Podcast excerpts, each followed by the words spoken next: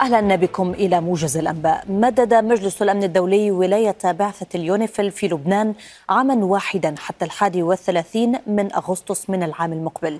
ويؤكد القرار أن قوات اليونيفيل لا تحتاج إلى تصريح أو إذن مسبق للقيام بالمهام المنوطة بها مع مواصلة التنسيق مع الحكومة اللبنانية. وقد رحب رئيس حكومة تصريف الأعمال اللبنانية نجيب ميقاتي بالقرار وقال إنه يساهم في تعزيز الأمن والاستقرار.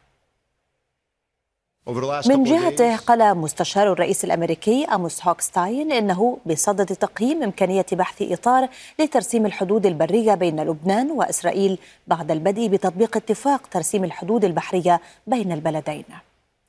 قتل جندي إسرائيلي وأصيب ثلاثة في عملية دهس قرب حاجز عسكري جنوب غرب رام الله بالضفة الغربية. وقال جيش الاحتلال الإسرائيلي إن قوة إسرائيلية طاردت منفذ العملية وحيدته على بعد بضعة كيلومترات من مكان الهجوم.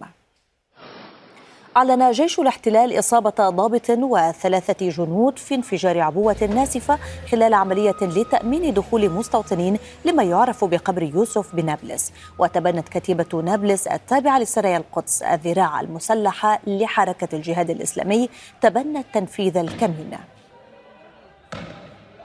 قال الهلال الأحمر الفلسطيني أن 94 فلسطينيا أصيبوا خلال مواجهات مع قوات الاحتلال التي اقتحمت المدينة الشرقية في مدينة نابلس. دعا تحالف المعارضة في الجابون مجلس أو المجلس العسكري إلى مواصلة العملية الانتخابية وإتمام إحصاء الأصوات وطالب بالاعتراف بفوز مرشحه.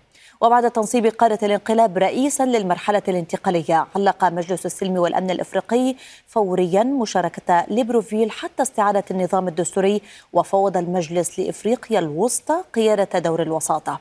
وحمل مسؤول السياسة الخارجية في الاتحاد الأوروبي جوزيف بوريل الرئيس المحتجز علي بونغو مسؤولية تدهور الوضع بسبب إدارته للانتخابات. نقلت رويترز عن عمدة موسكو تأكيده إسقاط مسيرة أوكرانية قرب العاصمة بينما قال حاكم منطقة كورسك الروسية إن مسيرتين أوكرانيتين هاجمتا مدينة كورتشاتوف فجر اليوم. وكان حاكم مقاطعة بريانسك غربي روسيا قال إن الحرس الوطني الروسي أسقط ثلاث طائرات مسيرة فوق بريانسك.